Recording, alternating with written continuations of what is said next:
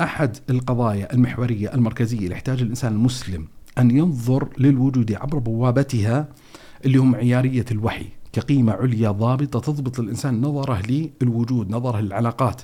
هي تكون كما يقال المركز الذي يوالي الإنسان ويعاد بناء عليه.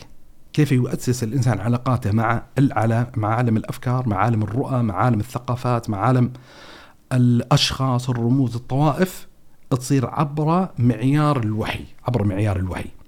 إيش الفلسفة الموجودة في المسألة هذه؟ ان لا تكلف نفسك لا ترهق نفسك أكثر من اللازم فيقع عن انقطاع. لا قليل دائم خير من كثير منقطع. لما يقول النبي صلى الله عليه وسلم إن هذا الدين متين فأوغلوا فيه برفق. فأوغلوا فيه برفق. ليش ينهى الشارع عن قضية الغلو؟ أحد المشكلات المتعلقة يعني هنالك مشكلة موضوعية متعلقة بالغلو من حيث هي بمعنى أنها متجاوزة حدود الشارع لكن من الحكم الشرعية المتعلقة بمشكلة الغلو أن سيعقب حالة الغلو حالة الانقطاع لما يقول الله سبحانه وتعالى وهذه قضية يعني وإشارة مهمة جدا يستحضرها الإنسان الناظر في طريق سير الله سبحانه وتعالى وكلكم آتيه يوم القيامة فردا. يعني في نهاية المطاف ستفضي إلى الله سبحانه وتعالى سيحاسبك الله عز وجل باعتبارك فردا مسؤولا عن أفعالك وتصرفاتك. في كثير من الأحيان لا تستطيع أن تلقي باللائمة على غيرك.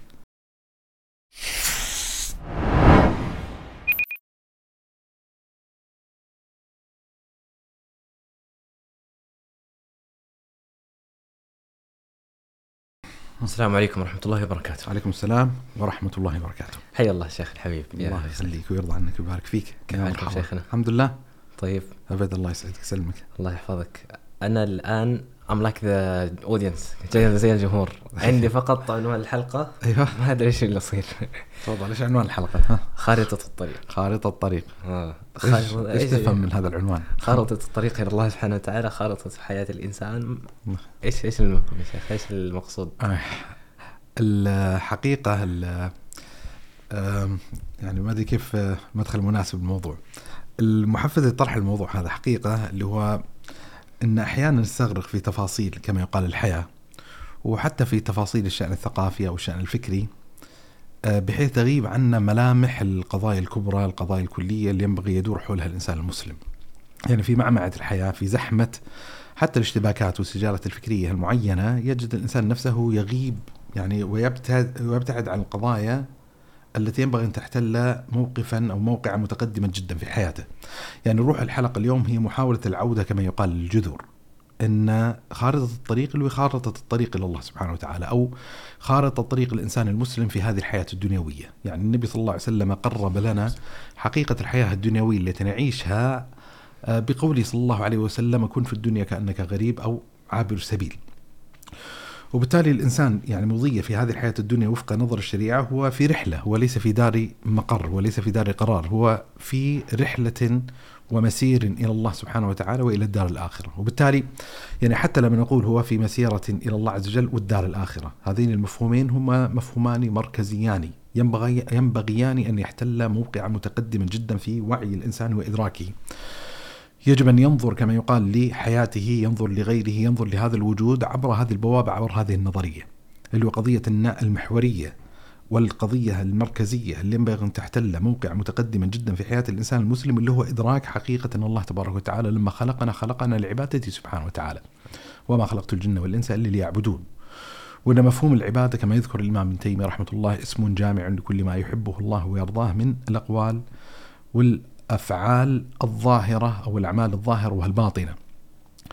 يعني يتوافق الإنسان مع مثل قول الله سبحانه وتعالى قل إن محياي وقل إن صلاتي. ونسكي وحياة ومماتي لله رب العالمين. يعني كل ما يبذله الإنسان كل ما يقدمه الإنسان من قربات وطاعات بل كل ما يحتويه حياة الإنسان بل ويحتويه موت الإنسان فهو لله تبارك وتعالى. هو لون من ألوان العبودية له سبحانه وتعالى. وبالتالي يعني مركزية الوجود تدور حول الرب تبارك وتعالى والإنسان يعيش في فلك هذا المركز وبالتالي ينبغي أن يراعي قضية الله سبحانه وتعالى. وهي قضية سبحان الله لما ينظر الإنسان في الكتابة الشرعية عموما يجد أن أحد القضايا اللافتة اللي محاولة إجمال الكبريات الحياتية في يعني عناصر كما يقال مكثفة وعناصر مجملة. يعني ما أذكر مثلا ابن القيم في أوائل الوابل الصيب كان يتكلم باللغة الآتية أن الإنسان في هذه الحياة الدنيا هو يتقلب بين نعمة تستدعي الشكر وبلية تدعي- تستدعي الصبر وذنب يستدعي التوبة. يعني إذا نظر الإنسان وفتش في حياتي يجد أن مقامات التعبد لا تكاد تخرج عن هذه الثلاثية. يعني إما أن هنالك نعمة تستوجب من العبد أن يشكر الله عز وجل أو واقع في مصيبة وبلية تستدعي منه صبرا ولأنه يدرك الإنسان بنقصه وتقصيره أن سيقع منه إما نقص في الشكر أو نقص في الصبر فهو واقع في لون من ألوان الذنوب التي تستدعي منه توبة. وبالتالي إدراك هذه الحقيقة يجعل الإنسان الحين ينظر للوجود عبر نظارة عبودية الشكر عبودية الصبر عبودية التوبة. ويركز على تفاصيل الأحكام الشرعية المتعلقة بقضية الصبر فتجد أن هنالك بعدين تدخل في تفاصيل إن هنالك صبر على أمر الله عز وجل، هنالك صبر عن معصية الله عز وجل، وهنالك صبر على أقدار الله تبارك وتعالى المؤلمة. تتكلم على قضية الشكر تدخل في تفاصيل، تدخل في التوبة ابن القيم وسع الكلام جدا فيما يتعلق بمنزلة التوبة في كتابه الجليل مدارج السالكين. آه، فالشاهد انه يعني أحد الالتقاطات الحياتية الكبرى اللي يحتاج الإنسان يتوقف معها في لحظة ويتأمل ويتفكر إن الالتفاف حول المركزيات الكبرى، العودة للجذور، العودة للسؤالات الكبرى. لماذا أنا هنا ومن أين أتيت والين المصير؟ خلنا يعني خلنا شوي نخفف من تسارع وتيرة الحياة شيئا ما بحيث يسعى الإنسان إلى تبطيء هذه الوتيرة والتأمل والتفكر في طبيعة الرحلة وما هي القضايا المفصلية المركزية اللي يحتاج الإنسان أن يعود إليها وأن يسلط كما يقال نقاشاته حولها. أنا هذه هذا هو الغرض الأساسي من هذه العنونه اللي هو فكرة خارطة الطريق. إن في سير الإنسان إلى الله سبحانه وتعالى يحتاج الإنسان أن يقطع هذه الرحلة ويتوقف عند معالم معينة. هذه المعالم آه، نريد أن نتوقف معها اليوم بالله سبحانه وتعالى. وروح هذه المعالم أصلا مستنبطة. هو نوع من نوع التفكيك المجمل ليقول الله سبحانه وتعالى في سورة العصر والعصر إن الإنسان لفي خسر إلا الذين آمنوا وعملوا الصالحات وتواصوا بالحق وتواصوا بالصبر. بتجد أن المعالم إجمال يمكن ردها إلى أحد الاعتبارات الأربعة. القائمة موجودة وهذه سورة عظيمة جليلة من سور القرآن الكريم. حتى قال فيه الإمام الشافعي في العبارة المشهورة أن لو لم ينزل إلى الخلق إلا هذه السورة لوسعتهم أو لكفتهم. أن يستطيع الإنسان عبر هذه أن يفرع فيها فروع كثيرة جدا. فكرة الإيمان بالله عز وجل وما تستدعيه. هذه الكلمة من واجبات شرعية تلقى على عاهل المسلم آه، أو عاتق المسلم عندك آه، ال- العمل الصالح وقضية التواصي بالحق التواصي بالصبر. فنحاول نفكك بعض المجملات. أهم المعالم يعني بحكم أنه أنت يعني كما ذكرت أنا بس أعطيتك العنوان وحتى ما أعطيتك أي تفاصيل عن روح الحلقة بحيث يستعد الإنسان لطرح أسئلة معينة. فأنا سأفرد لك على طريقة أبو حامد الغزالي. يعني من القضايا اللي لفتت نظري في صنع التأليفية أن أبو حامد الغزالي وما وجدت هذه النفس هذا النفس حاضرا عند غيري بهذه الطريقة أن لما يؤلف كتابا معينا ثم يبوب هذا الكتاب عبر أبواب معينة يمهد لكل باب بذكر خارطة هذا الباب، يعني يذكر على الطريقة العصرية القائمه موجوده إن إيش أهم ال- ال- الكتاب، إيش أهم التبويبات، إيش أهم الفصول، فيذكر هذه المعالم كخارطة أولية قبل ما يدخل في تفاصيل البحث، فعلى هذه الطريقة نفرد إن صح التعبير ما يتعلق بأهم المعالم وهي آه، عشرة معالم أساسية. أريد أن أتحدث فيها يعني كما يقال حديث القلب إلى القلب حديث آه، مرتجل حديث عفوي حديث آه، يعني آه، يغتفر لي كما يقال الجمهور ليس محضرا تحضيرا تاما لكن هي نوع من أنواع الدردشة المف... ال- ال- الدردشة المفتوحة حيال مفاهيم محورية مركزية. وأرجو أني لا أنسى يعني معلم من هذه المعالم لأن سأتورط يعني كما يقال لوحدي. المعلم الأول اللي هو ال- الوحي كقيمة معيارية ماشي؟ أو ما هو المعيار المحكم في حياة الإنسان المسلم ماشي؟ القيمة المعيارية. القضية الثانية اللي هو قضية تحصيل العلم. وأنا حاولت أرتبها بطريقة فيها نوع من انواع التسلسل المنطقي، فعندك الحين القيمة المعيارية القضية الثانية تحصيل العلم، القضية الثالثة العمل بالعلم. القضية آه، الرابعة السعي لنفع الخلق. القضية الخامسة ميزان النفع. القضية السادسة حسن سياسة النفس. القضية السابعة المراقبة والمراجعة. القضية الثامنة أنا الحمد لله عندي الأصابع قاعد لو, ترك الإنسان وهذا كان مضيع كما يقال. القضية الثامنة تحمل المسؤولية القضية التاسعة تملك الأدوات.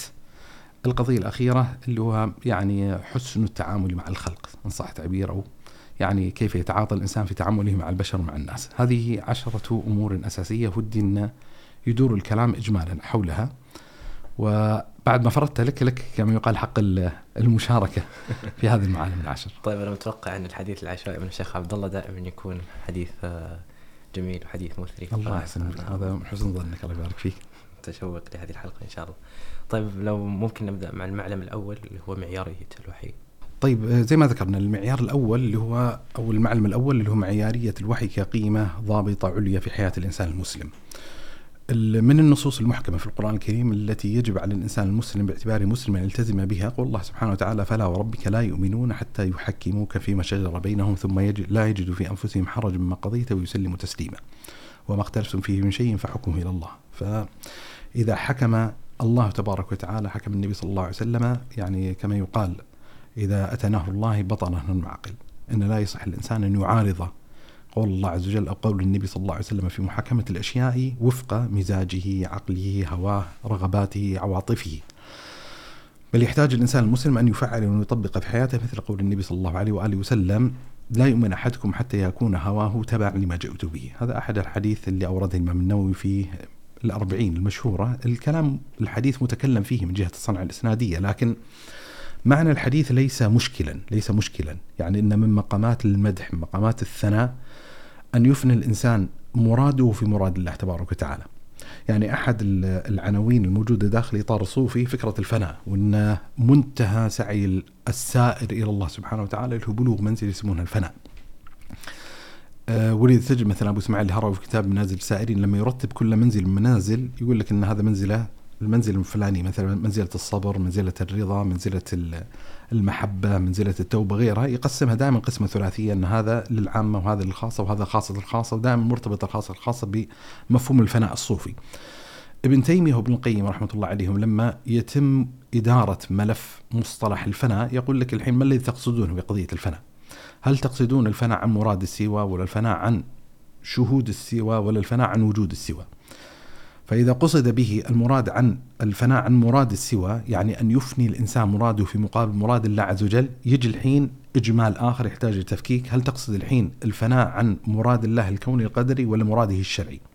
فإذا قصد مراد الله عز وجل الكوني القدري فليس من المقامات المطلوبة المحمودة من الإنسان أن أن يفني مراده ورغبته في مقابل ما يريده الله سبحانه وتعالى كونا وقدرا. يعني إذا قدر الله عز وجل عليك الفقر فمطلوب منك أن تدافع القدر بالقدر، مطلوب منك شرعا أن تخرج عن هذه الحال، ليست هي حالة بالضرورة يرضخ الإنسان لمعطياته، قدر الله عز وجل عليك مصيبة بلية يجوز للإنسان أن يدافع القدر بالقدر.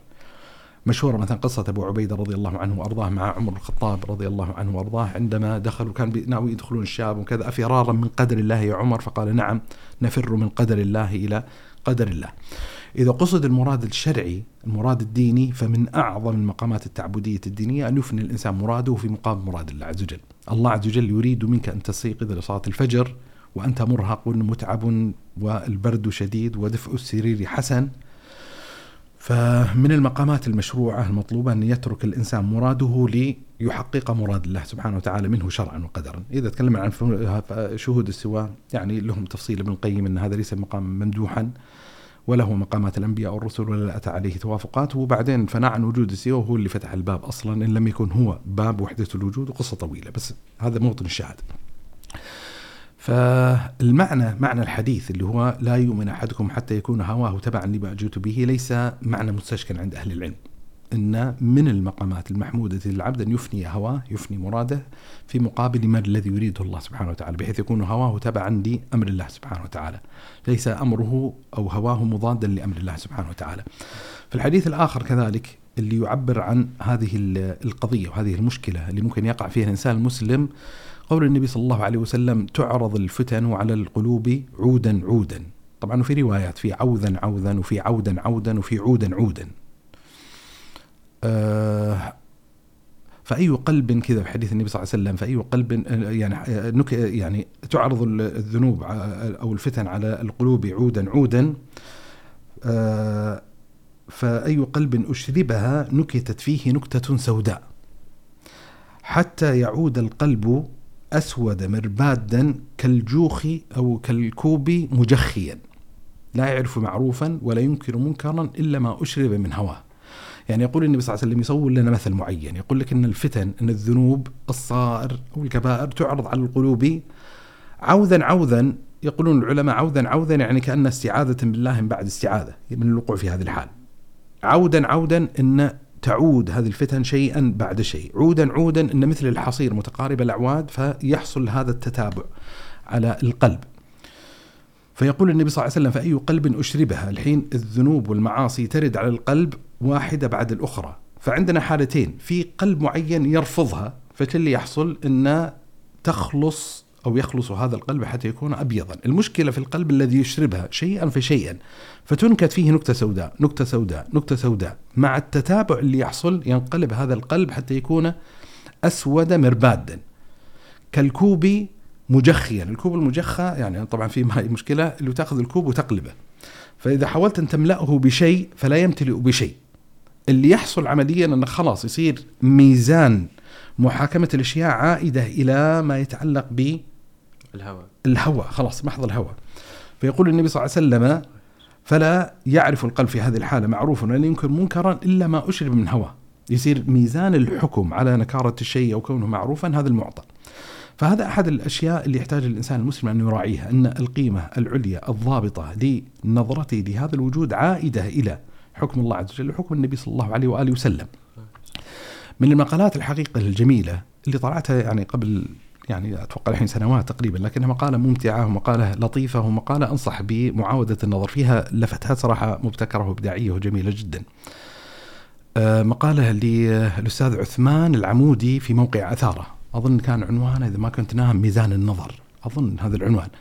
فكان يتكلم فيها عن يعني كيف أتى الإسلام بتغيير معايير نظر البشر بشكل عام والعرب بشكل خاص إلى الوجود وإلى يعني مثلا من التقاطات الطريفة اللي اللي مارسها. يقول لك الحين الذي يقرأ ديوان الحماسة لأبي تمام رحمة الله تبارك وتعالى عليه سيلفت نظره أن من أعظم المراثي الموجودة في كتاب الحماسة المرثية المشهورة اللي قدمها الشماخ في حق الأمير أمير المؤمنين عمر الخطاب رضي الله عنه وأرضاه. مرثية جميلة وافتتاحية مشهورة اللي جزا الله خيرا من أمير ذكر أبيات. في خاتمة الأبيات لافت النظر أن ذكر البيت الآتي. قال في أبيات يقول وما كنت أخشى أن تكون وفاته. يعني عمر الخطاب وما كنت أخشى أن تكون وفاته بكفي سبنتي أزرق العين مطرقي. الفكرة الموجودة أن أحد المجالات أو أحد القضايا اللي كان يتفاخر بها العرب اللي هو يعني كما يتفاخرون بالحياة كانوا يتفاخرون بطبيعة الميتة التي يموتها الإنسان. يعني كان يشرف العربي إذا كانت مقتلته أو ميتته على يد رجل شجاع رجل مقدام. رجل يساويه أو يساميه في المنزلة الاجتماعية. كان هذا يفتخرون به العرب. ما كان يدخل على إنسان معرة إذا كان القاتل له رجلا بهذه الطريقة وبهذا المقام. ولذا تتفهم الشعور اللي عصف شعور الألم اللي عصف به عمرو بن هشام أبو جهل لما ارتقى على صدره عبد الله بن مسعود فقال مشهور المحاورة اللي حصلت بينهم لكن قال لقد ارتقيت مرقا صعبا يا رويعي الغنم. كان متألم أبو جهل أنه يكون احتزاز رقبته ورأسه من من رجل يعتبره أبو جهل رجل مزدرى رويعي غنم. فشاهد ان إن هذه اللقطة حتى تلفت نظرك وأنت تقرأ في كثير من أشعار الفخر، تقرأ في كثير من المراثي القائمه موجودة. العجيب اللي حصل إن عمر الخطاب رضي الله عنه وارضاه لما كان يحتضر مشهور في قصة الاحتضار وقصة القتل قتل أبو لؤلؤ المجوسي لعمر الخطاب رضي الله عنه وأرضاه فكان أحد اللقطات الموجودة في هذه الحكاية وهذه القصة أن عبد الله مسعود عبد الله بن عباس دخل على عمر الخطاب رضي الله عنه وأرضاه فطلب من عمر الخطاب أنه يفتش عن من قتله من الذي قتله؟ روح اطلب إيش اللي حصل وكذا. فرجع عبد الله بن عباس لعمر الخطاب وقال له اللي قتلك غلام المغيرة غلام المغيرة بن شعبة. قال الصنع يعني الصانع؟ قال نعم. قال قاتله الله إني قد أوصيت به خيرا. إنه هو مشهور يعني في ضمن الأحداث والقصة إنه هو رفع حاول القضية لعمر الخطاب، عمر الخطاب قدم له خطاب معين، ذهب معاتب المغيره بن شعبة. ثم قال كلمة عجيبة. عمر الخطاب قال الحمد لله الذي لم يجعل قتلتي أو ميتتي على يد رجل مسلم. أو في رواية أخرى على يد رجل يقول لا إله الله فيحاج بها يوم القيامة. عثمان العمودي نبه تنبيه لطيف يقول لك الحين لما يقيم الإنسان مشهد قتل عمر الخطاب رضي الله عنه وأرضاه في ظل الأعراف والمعايير الجاهلية تعتبر يعني كما يقال قتلة معيبة. لكن اللي حصل لما فقه وأسلم عمر الخطاب رضي الله عنه وأرضاه صارت معاييره مختلفة معاييره محكومة بقيم الإسلام. صار الآن لا يتمنى أن يقتله رجل مسلم وإنما يفرح بأن يكون القاتل له ليس بمسلم لئلا يتحمل الوزر المتعلق بهذه العملية. مثلا خذ التقاطة ثانية نبه عليها. مثلا في أثر مشهور عن محمد بن سيرين كان يتكلم فيها على طبيعة الهجاء الذي كان يمارسه كبار صحابة النبي صلى الله عليه وسلم من الشعراء لقريش. فعندك أبرز الشعراء المسلمين كانوا ثلاثة اللي هو حسان بن ثابت رضي الله عنه وارضاه كعب بن مالك رضي الله عنه وارضاه عبد الله بن رواحة. محمد سيرين شوف التقييم العجيب اللي كان يقدمه يقول لك لما ينظر الإنسان في طبيعة الأشعار الموجودة لهؤلاء النفر الثلاثة سيجد أن شعر حسان وكعب كان يركز على الهجاء في مقامات الأيام في مقامات الصراع في مقامات الحرب وغيرها من المعطيات. كان عبد الله بن رواحة يركز في شعر الهجاء على كفر قريش وشركها ويعيرهم بذلك. فكان في المبادئ الأمر كان يشتد عليهم جدا شعر هجائي حسان وكعب بن مالك. وما كانوا يعيرون اهتمام لتعييرهم بقضية الشرك والكفر. يقول محمد سليم فلما فقهوا وأسلموا كان قول عبد الله بن رواحة أشد عليهم. إن الحين تغيرت المعايير. صارت القضية التي كنا نستعر منها بالأمس ما عادت تثير عندنا شيئا لأن تغير المعيار تغير المعيار ولذا أحد الأشياء اللي يحتاج يدركها الإنسان ويلاحظها اولا اللي هو ضرورة الاحتكام لمعايير الوحي وبعدين تدقيق النظر فيما يتعلق بطبيعة هذه المعايير المتعلقة بالوحي. يعني مثلا خذ الأحاديث المشهورة عن النبي صلى الله عليه وسلم لما يقول النبي صلى الله عليه وآله وسلم أتدرون ما المفلس؟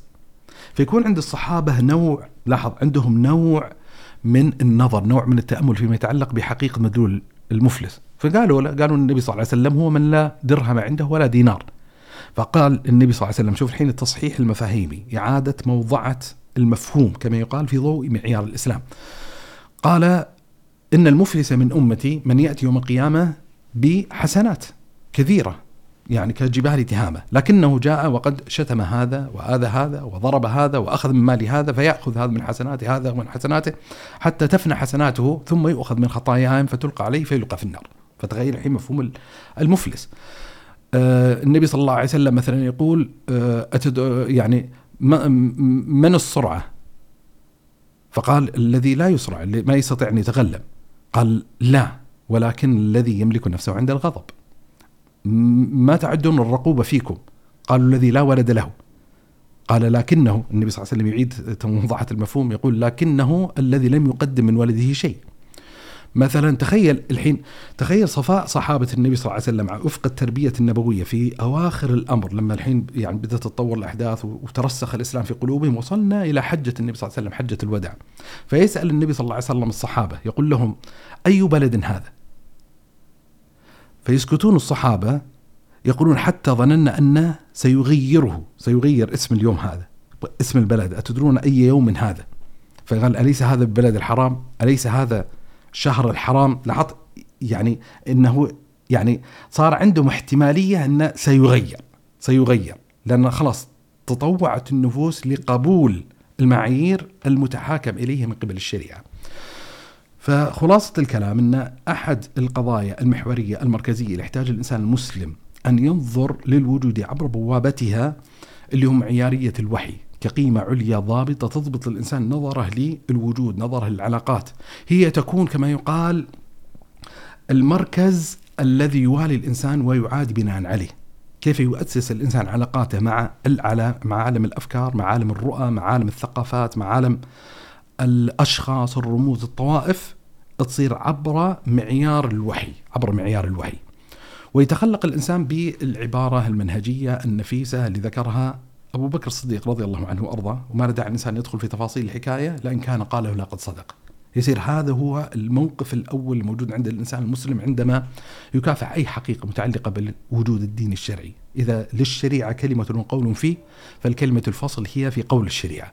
وهذا معلم يعني حاولت أن أشير بعض الإلماحات وبعض القضايا في محاضرة هكذا تتعلق جيل الصحابة ممكن تعالج يعني جملة من التفاصيل المتعلقة بهذه المسألة. فالمعلم الأول الوحي كقيمة معيارية ضابطة لنظر الإنسان لهذا الوجود. رضي الله عنك وأرضاك شيخي. الله يرضى عنك ننتقل للمعلم الثاني الذي هو معلم تحصيل العلم. طيب معلم تحصيل العلم يعني لما يتحدث الإنسان إن المعيار الذي ينبغي أن يتحاكم إليه الإنسان المسلم اللي هو معيار الوحي فسيكون الكلام مرسلا إن لم يسعى الإنسان في تحصيل هذا المعيار في إدراك التفاصيل المتعلقة به. وبالتالي لابد من الشرطات الأساسية المتعلقة بحياة الإنسان المسلم أن يكون بغض النظر عن مستواه الاجتماعي، مستواه الديني، أن يكون له قدر من التحصيل، له قدر من طلب العلم. ف يعني أحد المحفزات يعني خلينا نذكر المحفزات والواجبات الشرعية المتعلقة بقضيه تحصيل العلم. أحد المحفزات الكبرى أصلا للإقبال على قضية العلم اللي هو استشعار الفضائل الدينية الشرعية اللي علقها الشارع بقضية العلم. الإمام ابن القيم في مفتاح دار السعادة حكى أكثر من 150 وجها في الإبانة عن فضل العلم. وذكر أوجه عجيبة جدا، وذكر دلائل سواء قرآنية أو من سنه نبويه أو حتى بالاستنباطات العقلية تدل على شرف وفضل العلم وفضل وشرف أهل العلم. يعني يكفي مثلا استحضار في هذا السياق مثل قول الله سبحانه وتعالى شهد الله أنه لا إله إلا هو والملائكة وأولو العلم قائما بالقسط. يعني أكبر أكبر الحقائق الوجودية بإطلاق هي حقيقة وجود الله تبارك وتعالى ووحدانيته سبحانه وتعالى واستحقاقه تبارك وتعالى وحده العبادة، والله سبحانه وتعالى قد تكفل بالشهادة لهذه الحقيقة. واستشهد على هذه الشهادة الملائكة واستشهد على هذه الشهادة أهل العلم من البشر والناس، فهذا يدل على موقع كما يقال متقدم فيما يتعلق بهذه المسألة. مثلا من أعجب الأحاديث النبوية المتعلقة بهذا الباب اللي يقول النبي صلى الله عليه وسلم فضل العالم على العابد كفضل على أدناكم. طبعا هذا الحديث دائما لما اقرا وطالع يثير في نفسي حاله من حالة الذهول وحاله من حالة التعجب. يعني النبي صلى الله عليه وسلم لاحظ فضله على أبو بكر الصديق رضي الله عنه وأرضاه فضيلة وهو واسعه جدا. فتخيل لما النبي صلى الله عليه وسلم يقول لك إن كفضلي على أدناكم. تأخذ أدنى صحابة النبي صلى الله عليه وسلم منزلة الفارق الموجود بين النبي صلى الله عليه وسلم وبينه هو هو كالفارق بين العالم والعابد. ولاحظ العالم والعابد يعني مو بالحين فضل العالم على الفاسق كفضلي على أدناكم. لا لا الحين تأخذ الحين الصفوة من أهل الإسلام. الصفوة من أهل الإسلام إما أن يكون عالما أو عابدا. الآن شفت هذا العابد الذي تعظمه؟ ترى فضل العالم عليه كفضل النبي صلى الله عليه وسلم على أدنى صحابته. اي فهذا هذا مقام. مثلا آه من أعظم ما يمكن أن يرثه الإنسان المسلم في هذا الوجود وهذا الحياة أن يكون ممن يرث الأنبياء والرسل والعلماء هم ورثة الأنبياء. أحد القضايا المعيارية اللي تكشف للإنسان يجعله نوع من أنواع القرينة التي يظهر فيها بهجته وفرحته بربه تبارك وتعالى من يريد الله به خيرا في الدين. آه العجيب مثلا ابن القيم من استرساله في ذكر الفضائل المتعلقة بقضية العلم انه يسترسل لدرجه فيقول لك إن الذي يدل على فضل العلم أن الكلب المعلم خير من الكلب غير المعلم وأن تناط أحكام شرعية. بالكلب المعلم وما علمت من الجوارح مكلبين بخلاف الكلب غير المعلم في قضية الصيد. بل يحكي مثلا المسألة الخلافية المشهورة بين أهل العلم أن أيهما أفضل عند الله سبحانه وتعالى دماء الشهداء أم مداد العلماء. ويذكر الأدلة هنا والأدلة هناك ثم يرجح أن مداد العالم خير من دم الشهيد. فشاهد أن مفترض أن تكون مثل هذه النصوص الشرعية محفزة للإنسان المسلم لطلب العلم ويدرك دائما الإنسان وهذه هي قضية محورية مفصلية مركزية أساسية اللي هو قضية فرضية طلب العلم يعني العلماء لما يتكلمون في وجوب العلم على الإنسان المسلم يقولون هنالك مستويين لقضية الوجوب، هنالك من العلوم الدينية الشرعية ما يكون من قبيل الفروض العينية التي تتعلق بذمة كل إنسان مسلم وهناك فروض كفائية. هنالك فروض كفائية. يعني مجموع الأمة يجب أن تحافظ على هذه العلوم. يجب أن تتحقق الكفاية في سد ثغرات العلوم الشرعية الدينية. لكن هنالك علوم تتعلق يعني وجوبا على كل فرد في الأمة المسلمة. وابن القيم في تحت السعادة فصل الكلام طويلا فيما يتعلق بهذه المسألة وحاول أن يحرر بعض القضايا المتعلقة بالذات في الفروض الكفائية. وأمان عما يتعلق بالفروض العينية من العلم. يعني يقول مثلا أصول الإيمان. هو ذكر الخمسة وما أدري إيش سبب اختصار على ذكر الخمسة اللي هو الإيمان بالله عز وجل وكتبه ورسله. والملائكة واليوم الآخر ولا بد يضم إليها ركن الإيمان السادس والقضاء القدر. وبالتالي من القضايا الاعتقادية التي يلزم الإنسان المسلم أن يتحصل على إدراكه باعتباره مسلما يفترض عليه يجب عليه أن يتعرف على الله عز وجل يتعرف على الأنبياء والرسل يتعرف على الكتب يتعرف على الملائكة يتعرف على اليوم الآخر ويعرف العقائد المتعلقة بباب القضاء والقدر. ثم يتعلم الإنسان ما يتعلق أصول الشرائع الإسلامية، يعني باعتباره مسلما يتعين في حقه معرفة أحكام الصلاة فيجب عليه أن يعرف تفاصيل أحكام الصلاة المتعلقة بحيث يقيمها على الوجه المطلوب الوجه المشروع ثم يتعلم ما يتعلق بأحكام الوضوء باعتبار انه إن الله لا يقبل صلاة أحدكم إذا حدث حتى يتوضأ فيعرف تفاصيل الأحكام الشرعية الدينية المتعلقة بإقامة عبادته، دخل عليه شهر رمضان يتعين عليه معرفة أحكام الصيام. بلغ ماله نصابا يتعين عليه أن يدرك من أحكام الزكاة التفصيلية، يجب عليه يعني كمسلم أن يعرف وجود النصاب حتى إذا وصل يدري ان تعلقت هذه المسألة في ذمته. تعين على الإنسان الحج صار قادرا على الحج فيجب عليه يتعلم أحكام المناسك. وهكذا. مثلا من الأبواب الثالثة اللي هو أصول المحرمات. ويعمل فيها ابن القيم اللي هو من الضرورة على الانسان المسلم أن يتعلم ما يتعلق بأصول المحرمات المستنبطة من قول الله سبحانه وتعالى قل إن محرم يا ربي الفواحش ما ظهر منها وما بطن والإثم والبغي بغير الحق وأن تشركوا بالله ما لم ينزل عليه سلطان وأن تقولوا على الله ما لا تعلمون. هذه الأصول المحرمات الخمس. وآخر شيء اللي هو الأحكام الشرعية المتعلقة بالمعاشرات، يعني بمعنى أن هنالك صلات وعلاقات معينة يدخل الإنسان في أبواب البيوع، في أبواب الإجارة، في أبواب التجارة، اذا دخل الإنسان في هذا لابد يتعلم من أحكام المعاملة ما يصحح بها تعاملاته في أحكام الأنكحة، إذا أقبل الإنسان على الزواج لابد أن يتعلم، فالشاهد إن من المعالم الأساسية الضابطة والحاكمه لحياة الإنسان المسلم أن يكون عنده قدر من تحصيل العلم، هذه قضية مفصلية، قضية محورية. قضية لا يتصور الإنسان المسلم انه يستطيع أنه يرحل كل ما يتعلق بالعلم على العلماء.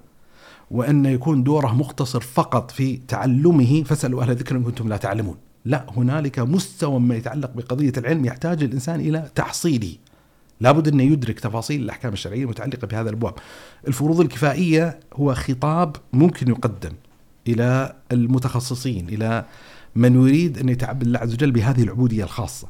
لكن المسلم من حيث هو مسلم فيتعين عليه يجب عليه أن يتعلم يعني بالتعبير العصري الذي يستخدمه بعض المؤلفين ما لا يسع المسلم جهله من أحكام العبادات، ما لا يسع الإنسان المسلم جهله من العقائد، ما لا يسع الإنسان جهله من المعاملات، وهكذا، هذه قضية محورية مركزية.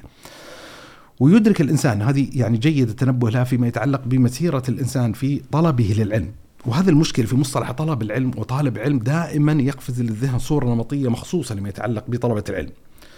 الحقيقة ال ال ال كل مسلم يجب عليه أن يكون عنده قدر من طلب العلم. لابد أن يكون كل مسلم فاعل في منظومة طلب العلم، لابد يكون إلى حد ما إلى مستوى معين فيما يتعلق على الأقل بالفرض العين المتعلق بطلب العلم طالبا للعلم. إن هنالك لونين من يعني العلم الديني الشرعي جزء منه مقصود لذاته وفي نفس الوقت هو وسيلة لغيره. يعني مثل ما ذكرنا في أصول العقائد من أعظم العبوديات التي يتعبد الله تبارك وتعالى بها أن يعرف سبحانه وتعالى. أن يعرف أن تعرف أسماءه سبحانه وتعالى، أن تعرف صفاته تبارك وتعالى وأن يرتب الإنسان الأثار العملية على هذا الاعتقاد، هذا هذا في حد ذاته لون من الوان العباده لله سبحانه وتعالى.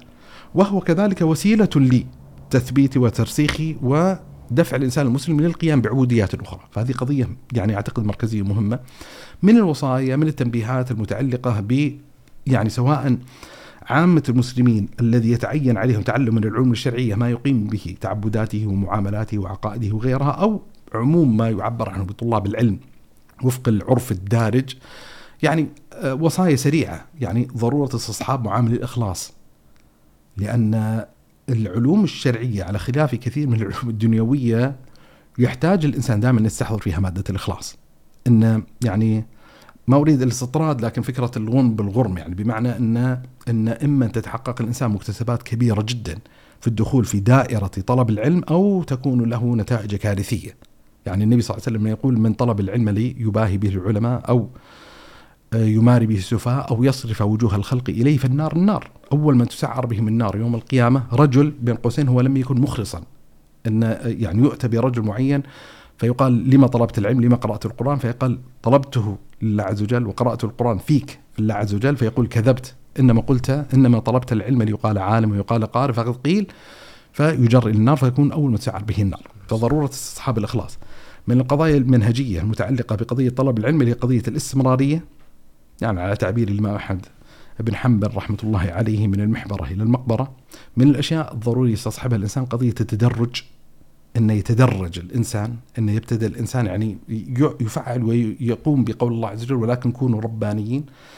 فعبد الله بن عباس فسر الرباني هو الذي يربي الناس على صغار العلم قبل كباره يكون في نوع من أنواع التدرج. ويتذكر الإنسان دائما ال- القاعدة النبوية أحب العمل إلى الله أدومه وإن قل أحب العمل إلى الله ما كان ديما أن لا بأس على الإنسان أن يكون يعني أن استمرارية الإنسان في طلب العلم حتى لو كان شأنا قليلا شأنا تراكميا خير من التعجل. يعني أحد القواعد الموجودة داخل الدائرة العلمائية أن من أراد العلم جملة حرمه جملة.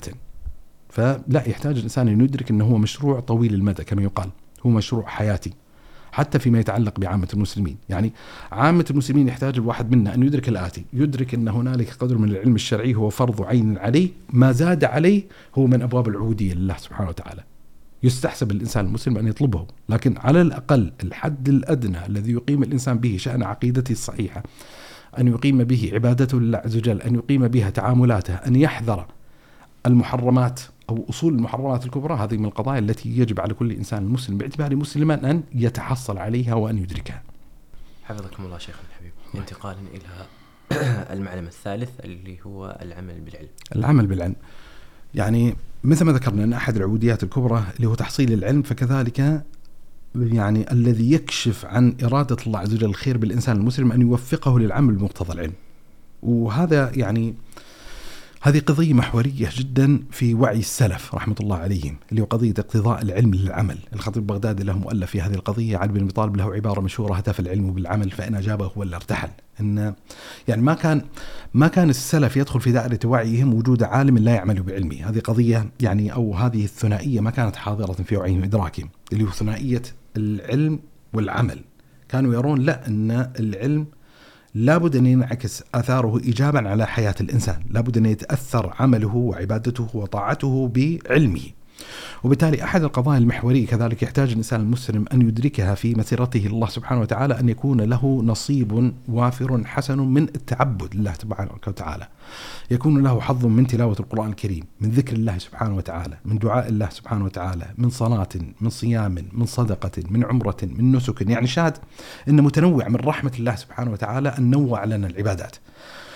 فإذا استتم الإنسان الفرائض فليس عليه بأس بعد ذلك أن يتخصص في مجال تعبدي معين مما فتحه الله عز وجل عليه.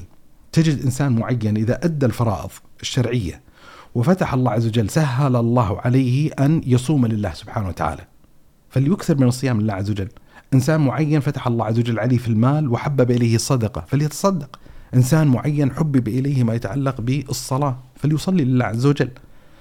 ما في بأس يعني هو الاشتراط الأساسي أنه يحقق الإنسان رتبة الفرائض يعني مبدأ فكرة أبواب الجنة وتنوع أبواب الجنة بحسب العبادات يؤكد على إمكانية أن يفتح الله عز وجل لعبد في مجال ولا يفتح له في باب تعبدي آخر. لا يعتبر هذا نقيصة ليس هذا مشكلا. لكن النقيصة والمشكلة أن لا يكون في حياة الإنسان تعبد لله عز وجل. هذه مسألة كذلك تحتاج إلى لون من أنوان المذاكرة لون من أنوان المراجعة. أن بعد أن تطلب العلم وتعرف الفضائل المتعلقة بالعبادات طيب ما انعكاس هذه المعرفة لفضائل التعبد على عبادتك لله تبارك وتعالى؟ هل يوجد في حياتك شيء مما يعبر عنه بعودية السر؟ هل هنالك سر بينك وبين الله سبحانه وتعالى؟ يعني آه، آه، الثلاثة الذين انطبقت عليهم الصخرة. يعني أولئك الثلاثة نفر الذين أتوا بتعبدات ما كان يعرف بها أحد. يعني مستوى الإخلاص فيها رفيع إلى مستوى أن لا يعلم بهذا الشأن إلا الله سبحانه وتعالى. هل الواحد منا لو ابتلي بذات البلية عنده من العبادة لله سبحانه وتعالى ما يستطيع أنه يطلب يتوسل به إلى الله تبارك وتعالى؟ هذا سؤال يحتاج الإنسان أن يراجع نفسه فيه يحتاج الإنسان أن يدركه من نفسه. يعني من المفارقات يعني خلنا يعني يعني وهي نوع من انواع المراجعة ومحاسبه الذات ومعاتبة وأنا أول المعاتبين. من الملاحظات المتعلقة ب يعني بتعبداتنا اللي ارتهان التعبدات التي نقوم بها بالتعبدات المؤقتة، التعبدات المفروضة، حتى التعبدات المؤقتة المستحبة. لكن يغيب في حياته في كثير من الأحيان اللي هو تحقيق العبوديات المطلقة لله سبحانه وتعالى. يعني لما يفكر الإنسان متى آخر مرة أحدث لله عز وجل صلاة نافلة مطلقة. إن خارج أوقات النهي خطر في باله أن يصلي الله عز وجل فصلى الله عز وجل ركعات معينة. فهذه مسألة كذلك أظنها تستدعي نوع من أنواع المراجعة أحد القضايا طبعا اللي نأكد عليها لما نتكلم على قضية الأعمال الصالحة وأثر العلم في تحصيل العمل. اللي هو عدم ليس مقصودا بالكلام السابق اللي هو الاقتصار على مجرد تحقيق العوديات الظاهرة. إحنا ضربنا أمثلة بقضية تلاوة القرآن الكريم، ذكر الله عز وجل، دعاء الله سبحانه وتعالى، الصلاة، الصدقة، الحج وغيرها من التعبدات الظاهرة. لكن الحقيقة التعبدات الباطنة هي أولى بالحضور والتقديم في نفس الإنسان المسلم. هي أصل العبوديات الظاهرة، النبي صلى الله عليه وسلم لما يقول: ألا إن في الجسد مضغة إذا صلح صلح الجسد كله وإذا فسد فسد الجسد كله ألا وهي القلب. الذي يحفز الإنسان نحو الإقبال على التعبدات الظاهرة هو مقدار التعبد الباطن. يعني بمعنى انه يحتاج الإنسان كذلك أن يراجع ما يتعلق باخلاصه لله سبحانه وتعالى، أن يراجع الإنسان محبته لله عز وجل، أن يراجع الإنسان خوفه من الله سبحانه وتعالى، أن يراجع الإنسان رجاءه في الله سبحانه وتعالى، انقياده، إذعانه، تسليمه لله تبارك وتعالى، يراجع الإنسان رهبته لله عز وجل، خشيته من الله سبحانه وتعالى. وغيرها من مقامات التعبد الباطنة. هذه قضية أظنها محورية وقضية مركزية معينة وإنما تتفاوت رتب الأعمال. يعني أحد القواعد الموجودة عند أهل العلم أن الأعمال الظاهرة تتفاوت بتفاوت العبادات القلبية أو الأعمال الباطنة. وبالتالي لما نتكلم على قضية أثر العلم في تحصيل العمل فالعمل المطلوب هو ليس العمل صلاح العمل الظاهر ليس صلاح البدن أو الجسد وإنما كذلك يجب أن ينطلق صلاح الجسد من صلاح الباطن من صلاح أعمال القلوب الباطنة. أحسن الله إليكم شيخنا الحبيب. المعلم الرابع السعي في نفع الناس. السعي في نفع الناس. لما ينظر الإنسان مثلا في دين الإسلام يجد أن هنالك حرص شديد في إصلاح الذات والتأكيد على ما يعبر عنه بالمسؤولية الفردية. لكن كذلك هنالك نوع من أنواع المسؤولية الجماعية. الإسلام من طبيعته دين جماعي. أحد الأزمات أحد المشكلات التي نعانيها في عالم اليوم في ظل الحداثة الغربية في ظل المنظومات الليبرالية اللي هو تعزيز النزعات الفردانية. يعني أصلا لما يحلل الإنسان لفظة الليبرالية هي تؤسس لفكرتين محوريتين اللي هي قضية الحرية، قضية الفردانية، أو ما يعبر عنه بالحرية الفردانية. ف يعني لما ينظر الإنسان في طبيعة دين الإسلام يجد أن الإسلام ليس دينا انانيا، ليس دينا يعزز للفردانية المطلقة. الأحكام والتشريعات اللي تؤكد على حث الإسلام، ترغيب الإسلام في تحصيل الصلاح الذاتي وانعكاس هذا الصلاح الذاتي على الغير متعددة وكثيرة جدا. يعني مثلا لما يقول الله سبحانه وتعالى كنتم خير أمة أخرجت الناس. ابن عباس يقول كنتم خير أمة لنفعكم للناس. ولاحظ النفع موجود في الدلالة نفسها. كنتم خير أمة أخرجت الناس تأمرون بالمعروف وتنهون عن المنكر وتؤمنون بالله. دور الأمر المعروف دور النهي عن المنكر هو صورة ولون من ألوان التفاعل الاجتماعي الإيجابي. لما يقول الله سبحانه وتعالى ومن أحسن قولا ممن دعا إلى الله وعمل صالحا قال إنني المسلمين فعندك الحين قضية الدعوة هذا نوع من أنواع النفع الموجود للآخر. كل النصوص الشرعية المتعلقة بقضية الدعوة كل النصوص الشرعية المتعلقة بقضية الأمر عن المنكر من رأى منكم منكرا فليغيره بيده فإن لم يستطع فبلسانه فإن لم يستطع فبقلبه وذلك أضعف الإيمان. كل النصوص الشرعية المتعلقة بقضية النصيحة وهي كثيرة جدا. مثلا ومن أشهرها اللي يدل أصلا على الاشتباك الموجود بين طبيعة دين الإسلام وبين النصيحة. الدين النصيحة قلنا لمن يا رسول الله؟ قال لله ورسوله وكتابه وأئمة المسلمين وعامتهم بل عندنا طبعا نصوص متعددة وكثيرة جدا تؤكد على محورية نفع الخلق. خير الناس أنفعهم للناس.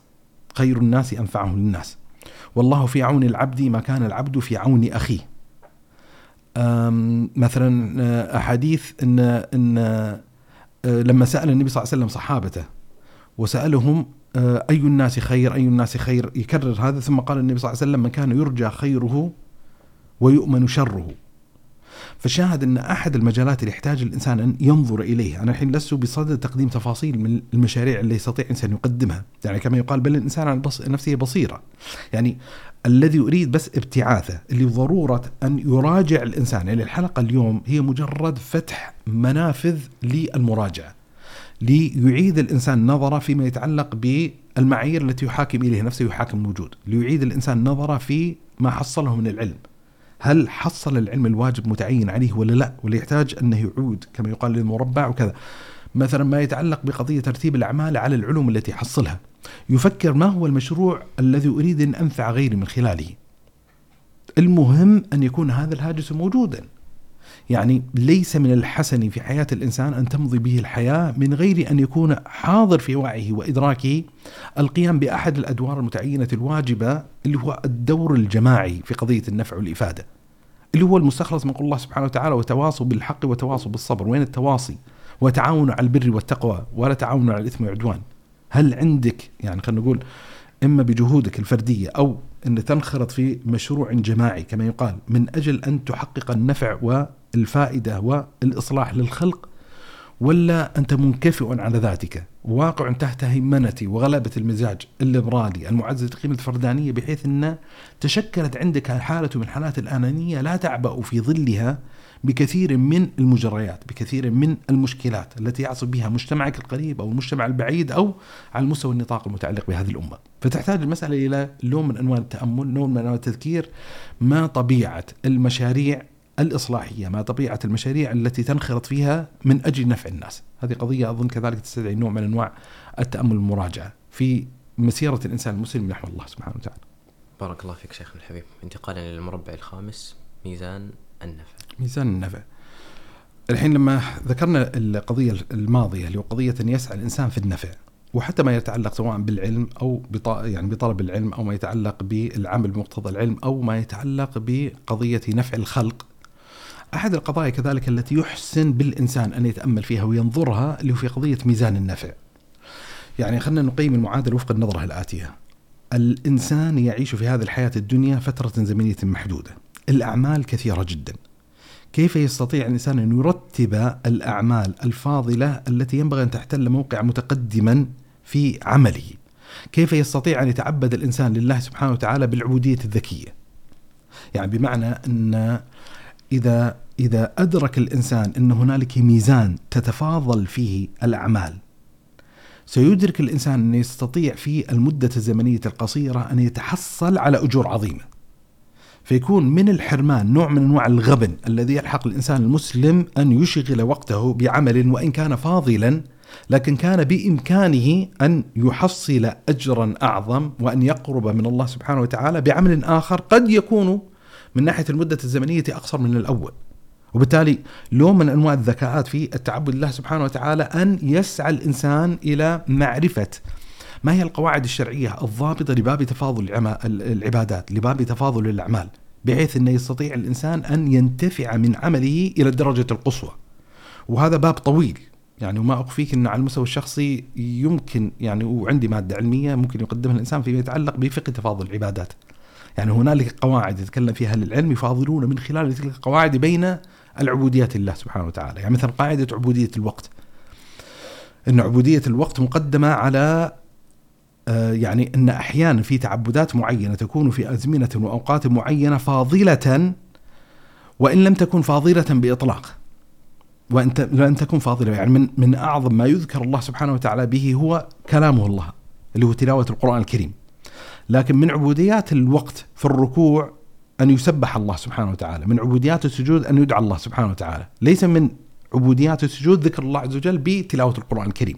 مع كون ذكر الله بالقرآن أفضل خارج هذا السياق، فالشاهد إن هذه قاعدة، مثلا النفع المتعدي خير من النفع اللازم. مثلا قاعدة أن العبادات والأعمال تتفاضل بتفاضل الأزمنة والأمكنة.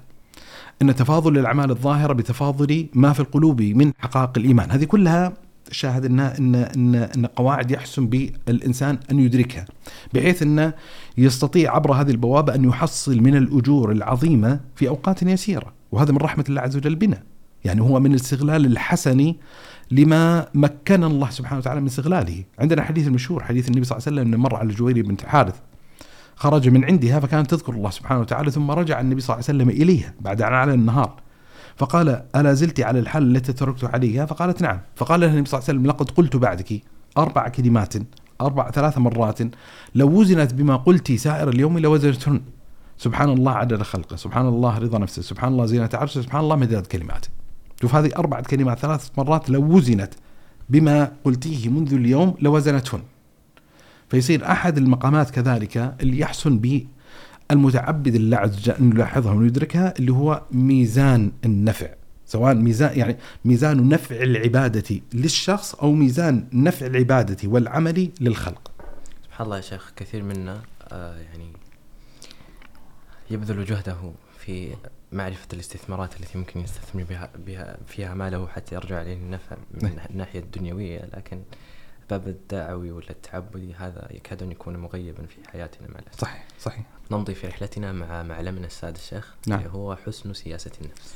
طيب حسن سياسة النفس آه يعني خلنا ندرك الحقيقة الآتية أن نفس الإنسان في نهاية المطاف هي رأس مالي في هذه الحياة الدنيا. هي التي يستطيع أن يمضي بها إلى الله سبحانه وتعالى. وأن هذه النفس لا يلزم بالضرورة أن تكون موافقة للإنسان على طول الطريق وبالتالي يحسن بالإنسان أن يدرك كيف يدير نفسه كيف يحسن سياسة نفسه. يعني العلماء تكلموا في كثير من الطباع المتعلقة في النفوس. يعني مثلا من الأبيات الشعرية المشهورة اللي تعبر عن أحد الأمزجة المتعلقة بالنفس قول الشاعر والنفس كالطفل إن تتركه شب على حب الرضاع وأن تفطمه ينفطم يتعدد لما يجي مثل عالم آخر يقول لك النفس شرود ومن طبيعته حب التفلت. النبي صلى الله عليه وسلم يعني في أحاديث متعددة يشير إلى بعض الطباع المتعلقة بالنفوس. لما يقول النبي صلى الله عليه وسلم لكل عمل شرة ولكل شرة فترة. فمن كانت فترته إلى سنة فقد هدي ومن كانت فترته إلى غير ذلك فقد هلك. إن من طبيعة النفوس أن يكون لها إحجام وإقبال تحجم وتقبل. يحصل لها نوع من أنواع الشرة نوع من أنواع الحماسة والاندفاع فيستثمر الإنسان رياح الاندفاع. ثم بعد ذلك قد قد يدركها حالة من حالات الفتور. إيه فمن حسن سياسة النفس أن يدرك الإنسان لحظات الفتور ولحظات الحماسة. مثلا آه، من الأحاديث المتكلم فيها لكن تعبر عن أحد الطباع المتعلقة بالنفوس إن المبتلى ارضا قطع ولا ظهرا أبقى. إن الإنسان إذا حمل نفسه على المضي المضي المضي من غير مراعاة لسياسة النفس ستقعد به نفسه بعد ذلك ولن يستطيع مواصلة الطريق. ولذا هذا أصلا أحد الارشادات المتعلقة بقول النبي صلى الله عليه وسلم أحب العمل إلى الله مكان ديمة. إيش الفلسفة الموجودة في المسألة هذه؟ إنها لا تكلف نفسك لا ترهق نفسك أكثر من اللازم فيقع عن انقطاع. لا قليل دائم خير من كثير منقطع. لما يقول النبي صلى الله عليه وسلم إن هذا الدين متين فأوغلوا فيه برفق. فأوغلوا فيه برفق. ليش ينهى الشارع عن قضية الغلو؟ أحد المشكلات المتعلقة يعني هنالك مشكلة موضوعية متعلقة بالغلو من حيث هي بمعنى أن هي متجاوزة حدود الشارع لكن من الحكم الشرعية المتعلقة بمشكلة الغلو أن سيعقب حالة الغلو حالة الانقطاع والشارع لا يتشوف إلى تحقيق حالة الانقطاع عن العبودية النبي صلى الله عليه وسلم مثلا مرة شاهد مشهدا عجيبا اللي هو قضية أنه وجد حبل معلق. فسأل إيش قصة الحبل هذا فقيل له إن هذا حبل لزينب زوج النبي صلى الله عليه وسلم إذا قامت الليل وتعبت وأرهق تتعلق به. فقال النبي صلى الله عليه وسلم حلوة حلوة يعني شيلوا الحبل هذا ليصلي أحدكم نشاطه فإذا فتر فليقعد. لا إن إن مثل ما قال النبي صلى الله عليه وسلم إن الله لا يمل حتى تملوا. إن اكلفوا من الأعمال ما تطيقون فإن الله لا يمل حتى تملوا. ولذا من أجمل الإرشادات النبوية في سياسة النفس اللي هو حديث النبي صلى الله عليه وسلم لما قال لصحابته لن يدخل أحدكم الجنة بعمله حديث أبو هريرة. فقال ولا أنت يا رسول الله فقال ولا أنا إلا أن يتغمدني الله برحمة منه وفضل. ثم ذكر النبي صلى الله عليه وسلم بعض الإرشادات المتعلقة في سياسة النفس. فقال النبي صلى الله عليه وسلم ولكن سددوا وقاربوا واغدوا وروحوا واستعينوا بشيء من الدلجة. والقصد القصد تبلغ. شوف كل مفردة موجودة في هذا الحديث مفردة جميلة جدا. يعني لما يقول النبي صلى الله عليه وسلم سددوا. من سياسة النفس أن يسعى الإنسان لإصابة الهدف. إذا لم يصب الإنسان الهدف فعلى الأقل يسعى إلى مقاربة الهدف. إلى مقاربة. سددوا أن التسديد أن إصابة عين الهدف. المقاربة وقاربوا يعني يكونوا قريبا على الأقل منا. وغدوا وروحوا وعليكم بشيء من الدلجة.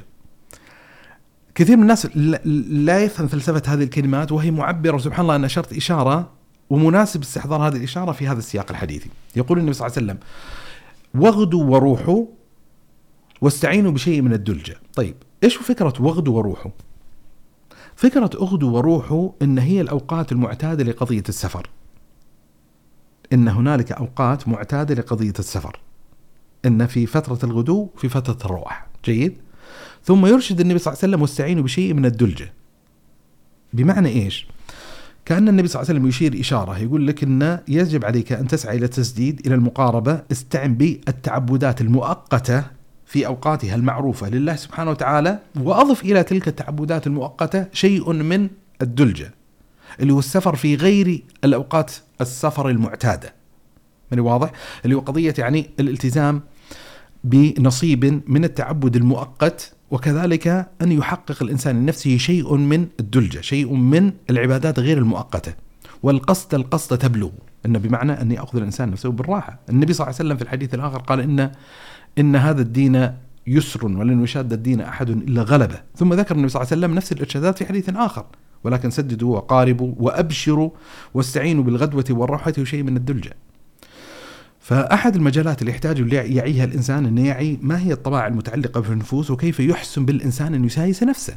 يعني خلينا ناخذ مثال.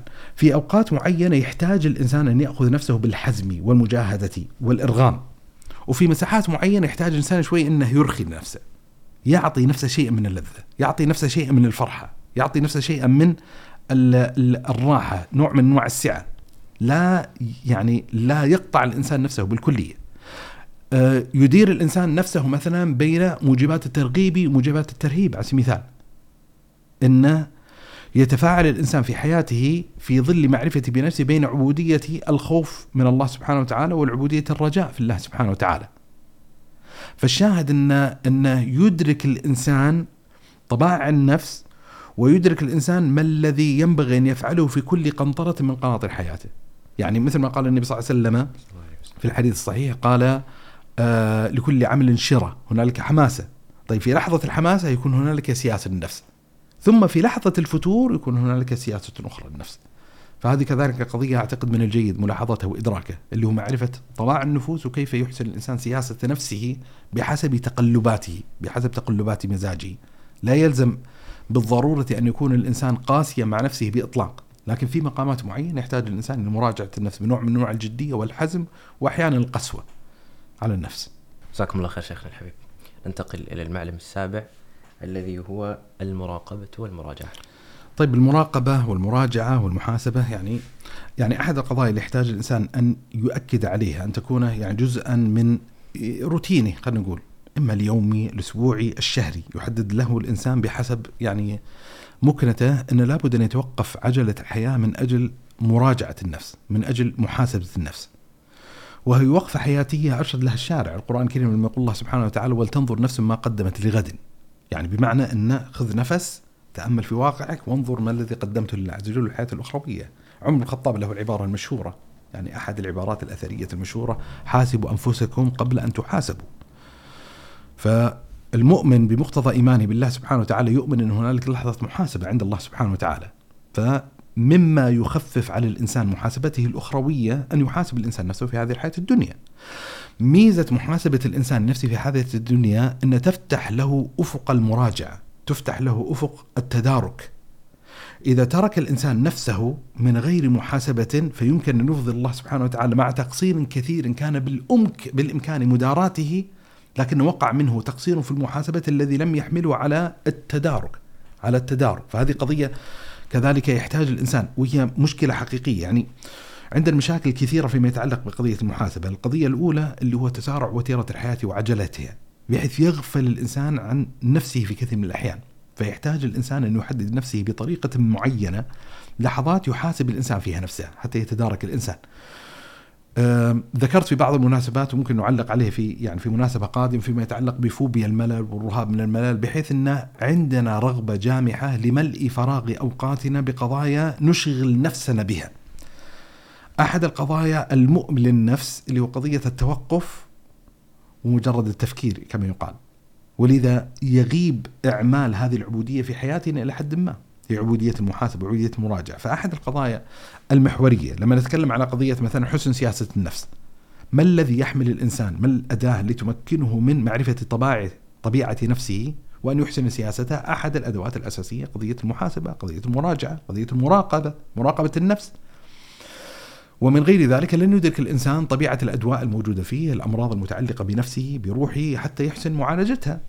ومن الكتب اللي أرشحها يعني الضروري فيما يتعلق سواء يعني بقضية المحاسبة أو القضية الماضية لحسن سياسة النفس اللي هو مداوة النفوس لابن حزم. كتاب لطيف وكتاب جميل وأنصح الكل بمطالعته وقراءته. فأحد القضايا اللي ينبغي أن تكون جزءا من حياة الإنسان المسلم اللي قضية المحاسبة. ولما نتكلم عن قضية المحاسبة قضية المراقبة قضية المراجعة فأنت لا تتكلم على لحظة واحدة في حياة الإنسان تتكلم على روتين تتكلم على قضية مستمرة في حياتي. يعني مثل ما يحصل لأبناء الدنيا في مؤسساتهم في شركاتهم إن تجي لحظة معينة يحاسب فيها كما يقال الموظف بشكل دوري. فالإنسان في زمن الإمهال في هذه الحياة الدنيا عنده ممكن أن يتوقف أن يتأمل أن ينظر أن يحقق في نفسه قول الله سبحانه وتعالى ولتنظر نفس ما قدمت لغد وأن يفعل تلك الحكمة العمرية. حاسبوا أنفسكم قبل أن تحاسبوا. مرورا على معلمنا الثامن في هذه الحلقة تحمل المسؤولية. تحمل المسؤولية. أحد الأزمات الكبرى اللي أعتقد موجودة في هذا الزمان ما أدري هل يعني وجد في أزمان سابقة حجم التمدد والعمق والإيغال في حياتنا هي مشكلة التفاهة. أحد القضايا اللي تحتاج إلى مداورة النظر والتأمل والتفكر وكيف نستطيع أن نبث الوعي وأن نربي الأجيال عليها ونرسخ هذه القيمة في حياتنا اللي هو قضية الجدية. أحد الموطئات لقضية الجدية اللي تحمل المسؤولية. شعور الإنسان بأنه مسؤول بأنه مسؤول. يعني أحد القضايا اللافتة للنظر في الشريعة اللي هو التأكيد على قضية المسؤولية الفردية. يعني لما يقول الله سبحانه وتعالى آه، كل نفس بما كسبت رهينة. هذه الآية تبتعث في نفس الإنسان أن ترى أنت مسؤول عن أفعالك. لا تستطيع أن تلقي باللائمة على غيرك في كثير من أدوار التقصير الواقعة منك. لما يقول الله سبحانه وتعالى وهذه قضية يعني وإشارة مهمة جدا يستحضرها الإنسان الناظر في طريق سير الله سبحانه وتعالى وكلكم آتيه يوم القيامة فردا. يعني في نهاية المطاف ستفضي إلى الله سبحانه وتعالى سيحاسبك الله عز وجل باعتبارك فردا مسؤولا عن أفعالك وتصرفاتك. في كثير من الأحيان لا تستطيع أن تلقي باللائمة على غيرك. ميزة تحمل المسؤولية في مسيرة الإنسان في هذه الحياة الدنيا إن تبتعث في نفسه القدرة على الاعتراف بالخطأ. يعني اذا اذا إذا كان الإنسان يشعر بانه مسؤول فيسهل عليه أن يتراجع عن أخطائه، أن يعترف بوجود الخطأ. لا يجد في نفسه تلك الحماسه لإلقاء اللائمة على غيره. إن المسؤول عن المشكلة اللي وقعت لي فلان وفلان وفلان. لا شعور الإنسان بالمسؤولية الفردية يحمله على الاعتراف بالخطأ، إمكانية تدارك الخطأ والتراجع عنه، يفتح له افقا في أحد العبوديات الأساسية المركزية اللي تحدثنا فيها في بداية الحلقة اللي هو قضية إن الإنسان يتقلب في هذه الحياة الدنيا بين نعمة تستدعي الشكر وبلية تستدعي الصبر وذنب يستدعي التوبة. وبالتالي إذا كان الإنسان يشعر بالمسؤولية فيدرك أن كثير من أوجه التقصير كثير من أوجه الذنوب والمعاصي هو الذي يتحمل وزرة. وبالتالي ذلك يفتح له أفقا لعبادة من أعظم العبوديات وهي عبودية التوبة لله سبحانه وتعالى. فهذه كذلك أظنها قضية مركزية ومحورية جدا.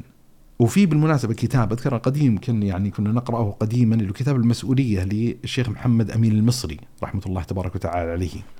يعني أحد وهذا روح الحلقة. تلاحظ أن كل عنوان كل معلم نقدمه في حقيقة الأمر إحنا بس نقدم يعني أشبه النوافذ المختصرة جدا. ولا كل عنوان من هذه العناوين يستطيع الإنسان أن يفرده لا أقول في بودكاست بل يعني في سلسلة المحاضرات واللقاءات والدروس لكن المقصود بس اللي هو زي ما ذكرت مرارا اللي هو التذكير بمحورية هذه القضايا. محورية هذه القضايا أن هذه القضايا اللي تستدعي نوع من أنوان المراجعة نوع من أنوان لفت النظر لكل إنسان مسلم في هذه الحياة الدنيا. هي القضايا اللي مفترض أن تحتل موقفا متقدما في حياتنا سواء على المستوى النظري أو على المستوى الممارسة الفعلية العملية. حفظك الله شيخ الحبيب. آه انتقالا إلى المعلم ما قبل الأخير اللي هو آه تملك الأدوات. تملك الأدوات أو تحصيل الأدوات. طيب. من الأحاديث النبوية الجميلة جدا اللي ترسم الإنسان ملامح يعني كما يقال آه، آه، ملامح الطريق إلى الله سبحانه وتعالى أو السير في هذه الحياة الدنيا، حديث مهم جدا يعني ما أقدر أتصور أن نتجاوز يعني آه، هذا اللقاء من غير ذكر هذا الحديث النبوي اللي حديث النبي صلى الله عليه وسلم المؤمن القوي خير وأحب إلى الله من المؤمن الضعيف وفي كل خير. احرص على ما ينفعك واستعن بالله ولا تعجز. وإن أصابك شيء فلا تقل لو أني فعلت كذا وكذا لكان كذا وكذا ولكن قل قدر الله وما شاء فعل حديث جميل جدا واحد يعني جماليات طبعا في الشق الأخير اللي ترسم لك ملامح يعني كيفية إدارة حياة الإنسان المسلم بمعنى أنه يحرص على ما ينفعه يستعين بالله سبحانه وتعالى لا يعجز الإنسان المسلم ويدرك أن قد لا تسير الأمور وفق هواه فليرضخ ليؤمن بقدر الله سبحانه وتعالى. لكن الشق الأول فيما يتعلق بتمليك الأدوات اللي هو قضية لما قال النبي صلى الله عليه وسلم المؤمن القوي خير وأحب إلى الله من المؤمن الضعيف. إذا رجع الإنسان إلى الشروح الحديثية المتعلقة بهذا الحديث يجد أن العلماء عمليا لهم اتجاهات في تفسير معنى القوة الموجودة، هل المقصود بها القوة البدنية؟ لما يقع منه يعني من صاحبه من نكايته في العدو في شأن الجهاد ولا المقصود بها القوة المالية بمعنى الصدقة وما يدفعه الإنسان في إقامة المشاريع الخيرية ولا القوة العلمية فالشاهد أنه متنوعين والأمر مثل ما ذكر غير واحد من أهل العلم الإمام النووي القاضي عياض وغيرهم أنه يمكن أن تحمل دلالة القوة الموجودة في هذا الحديث النبوي على مسارات القوة المتنوعة. وبالتالي لما يتكلم الإنسان على فضاء المهارات فهو عمليا يتكلم على أحد مجالات القوة. فيفكر الإنسان كذلك ما هي المهارات ما هي الخبرات ما هي القضايا اللي يحتاج أني أتملكها؟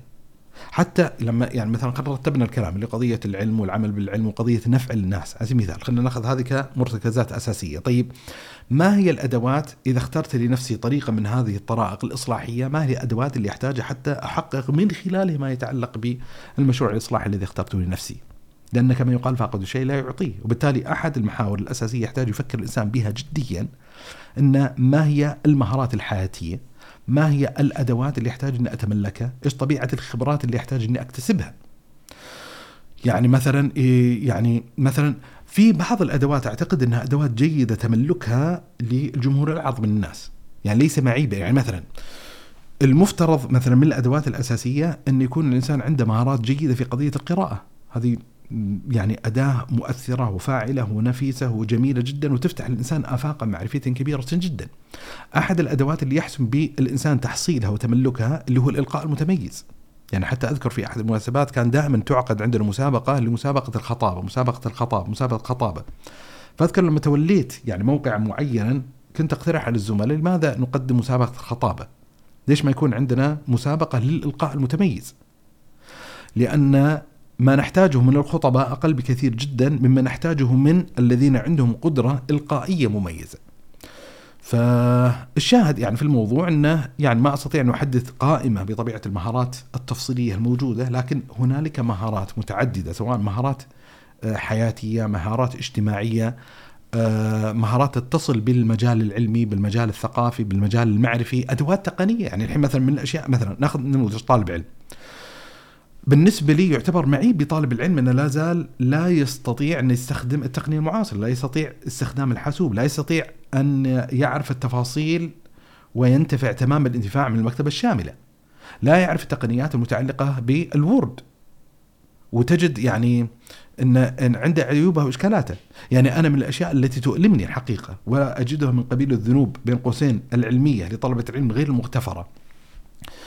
إنه يعمل على بحث يشتغل على بحث يمضي فيه ممكن سنة وسنتين ثم تسأله بعد ذلك إيش صار على البحث وكذا فيقول لك والله ضرب ال hard disk وضرب الجهاز وضاع الملف. يا لا هذا الحين في زمن Google Drive في زمن ال iCloud في زمن OneDrive.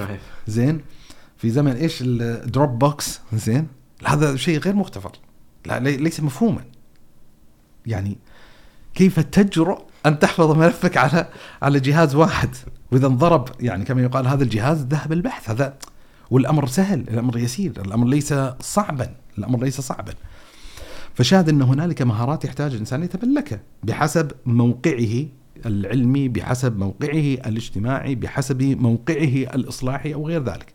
فاظن أن هذه أحد المعالم الأساسية اللي يحتاج الإنسان أن أن يتأمل فيها وينظر في مجالها. باركتم شيخ الحبيب انتقال إلى المعلم العاشري والأخير. كيفية التعامل مع الناس ولا حسن التعامل مع الناس؟ جميل. أو نستطيع نقول مهارة التعامل مع الناس. نعم. جميل.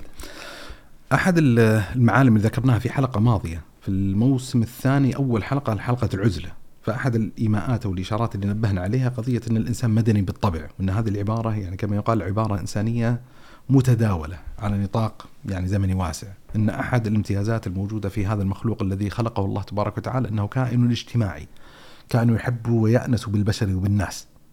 كائن لا يحب الانعزال التام عن البشرية والناس. وبالتالي من الطبيعي إذا كان كائنا مدنيا أنه سيحتك بالبشر والناس وبالتالي يحتاج الإنسان أن يتملك جملة من مهارات في التعامل مع أولئك الناس. هذه قضية أظنها محورية وقضية أساسية معينة. ولذا الشارع لفت إلى أهمية هذه القضية في آيات قرآنية متعددة وفي حديث نبوية.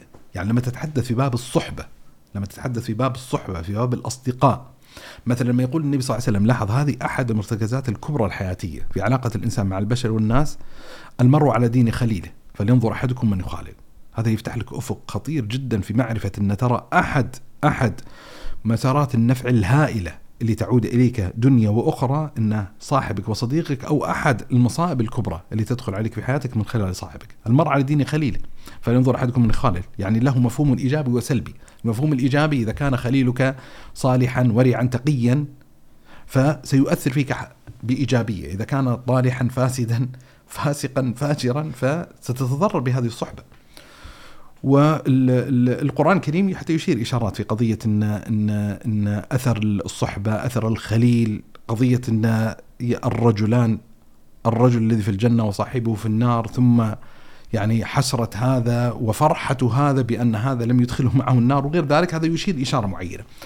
فالشاهد أن يعني باعتبار أن الإنسان كائن اجتماعي أن الإنسان لا يخلو من علاقات لا يخلو من صداقات معينة يحتاج الإنسان أن يدرك طبيعة تكوينه لهذه العلاقات مع الناس يعني كيف يدير الإنسان شبكة العلاقات الحاصلة؟ كيف يكون الإنسان جيدا في اختيار صحبته في اختيار صداقاته؟ كيف يستطيع الإنسان أن يرتب طبقات أولئك الأصحاب؟ بحيث ان هنالك حزمة من الأصحاب القريبين جدا هنالك حزمة من الأصحاب أبعد مدى ثم هنالك حزمة من الأصحاب أبعد مدى وهكذا. كيف يستطيع الإنسان إدارة علاقته ومعرفة؟ كيف يدير؟ يعني أحيانا قد يضطر الإنسان للتعامل مع الناس سيئين فيحتاج الإنسان يدرك المهارات المتعلقة بالتعامل مع الناس السيئين. طيب كيف يدير الإنسان علاقته مع الثقلاء؟ كيف يدير؟ فقصدي كل هذه مهارات كل هذه مهارات يعني مثلا كيف يدير الإنسان علاقته مع المواقف المحرجة؟ المواقف الاجتماعية المحرجة. أنا أذكر من الأشياء الطريفة يعني كنا مرة مجموعة زملاء وكذا وعقدنا مسابقة معينة ماذا تفعل في الحالات الآتية. فيصير في مجموعة فتعرض عليهم مواقف محرجة. مواقف محرجة يعني اجتماعية. ونبدأ طبعا يعني كما يقال من الأسهل فالأصعب. من الأسهل فالأصعب يعني. يعني تجد مثلا موقف بسيط على سبيل المثال ان إن مثلا إنسان في لحيته مثلا موجود الرز ولا موجود شيء من الأكل زين؟ وجالس في المجلس وكذا. أحيانا بالذات بحسب طبيعة العلاقة القائمة الموجودة مع الطرف المقابل قد تتحرج من التنبيه. فتجد أحيانا ما حد ينبه وكلنا نلاحظ الموضوع هذا. ف يعني كيف يستطيع الإنسان عبر بوابة لباقة أدب معين إنه وبالمناسبة يعني ما بيقول إنه باب يتعلم لكن لكن هنالك أشياء حقيقة ممكن تتعلم وهنالك درجات عليا كما يقال من التطبيقات المتعلقة في هذا الباب، يعني أنا أذكر سبحان المواقف اللي أثرت فيني. واللي فتحت لي افقا في قضية اللباقة، قضية الأدب، الجم الشديد. أذكر كنت مرة في درس فجالس أكتب مع الشيخ وكذا كذا فتوقف القلم عن الكتابة. فلما توقف عن القلم عن الكتابة التفت لاحد الأصدقاء بجانبي. قلت له عندك قلم زيادة؟ فكان الأمر العجيب زين انه كان قدامه قلم زائد ما اعطاني اياه. زين طلع قلم من جيبه والقلم اللي كان يستخدمه ثم مد القلمين الي يعني بمعنى اختار أيهما تريد. تخيلت هذا؟ مع انه كان الأمر كافيا لو قدم لي أي قلم ما كان ملزما. فمجرد هذا الموقف فتح لي أفق معين في قضية لا أن ترى لما نتكلم على قضية الأدب تكلم عن اللباقة ترى هنالك مستويات من اللباقة وحسن الخلق والأدب. يصبو الإنسان أنه يصل إلى مثل هذه المقامات. فأحد الكبريات الحياة يعني إذا أدرك الإنسان أن في رحلته الله سبحانه وتعالى هنالك نعم مسؤولية فردية متعلقة به لكن في نهاية المطاف هو يمضي مع حزمة من المؤمنين في دين أحد سماته الجماعية وأحد المحددات الجماعية الموجودة فيه وتعاون على البر والتقوى ونتعاون على الإثم والعدوان وتواصل بالحق وتواصل بالصبر. أن كيف يستطيع الإنسان أن يستثمر طبيعة هذه العلاقات الإنسانية البشرية طبيعة الصحبة القائمة آه، استثمارا حسنا أحد أدوات الاستثمار الحسن لشبكة العلاقات الإنسانية البشرية تمر عبر بوابة المهارات الاجتماعية أو ما يعبر عنه بالذكاء الاجتماعي أو غيرها يعني من الاعتبارات سواء يعني سواء قضايا نافعة للإنسان في حياته الدنيا أو حتى قضايا نافعة له في حياته الأخروية. فهذه يمكن أهم الالماحات يعني أرجو أن تكون كانت الحلقة يعني كما يقال خفيفة زي ما ذكرتي مجرد دردشة. ويعني منعتك عبر حرمانك من معرفة أي تفاصيل متعلقة بهذه الحلقة من المشاركة يعني كما يقال. لا لا بالعكس استمتعت بالفست فست فيو ما شاء الله. الله يرضى عنك. لعل هذه تكون آخر حلقاتنا في هذا الموسم. فاريد أن أبدي امتناني وشكري شيخنا الله يخليك. الله هذه يرضى الفرصة بالعكس لتقديم سعيد. الفرح بك. الله يخليك. الله يحفظكم شيخنا الحبيب. جزاكم خيرا ونلقاكم في الموسم القادم إن شاء الله تعالى. بإذن الله. الله يرضى عنكم ويبارك فيكم. طبعا عندك عندك نوع من أنواع الاطمئنان انها ستكون في الموسم القادم لكن الله أعلم. لا لا أنا والله. أنا أنا أقول إنه عبر الشاشة يعني أيوة. نراكم في ال- الله يرضى عنك ويبارك الله يحفظك. بإذن الله سبحانه وتعالى حياكم الله وبارك فيك وجزاك الله خيرا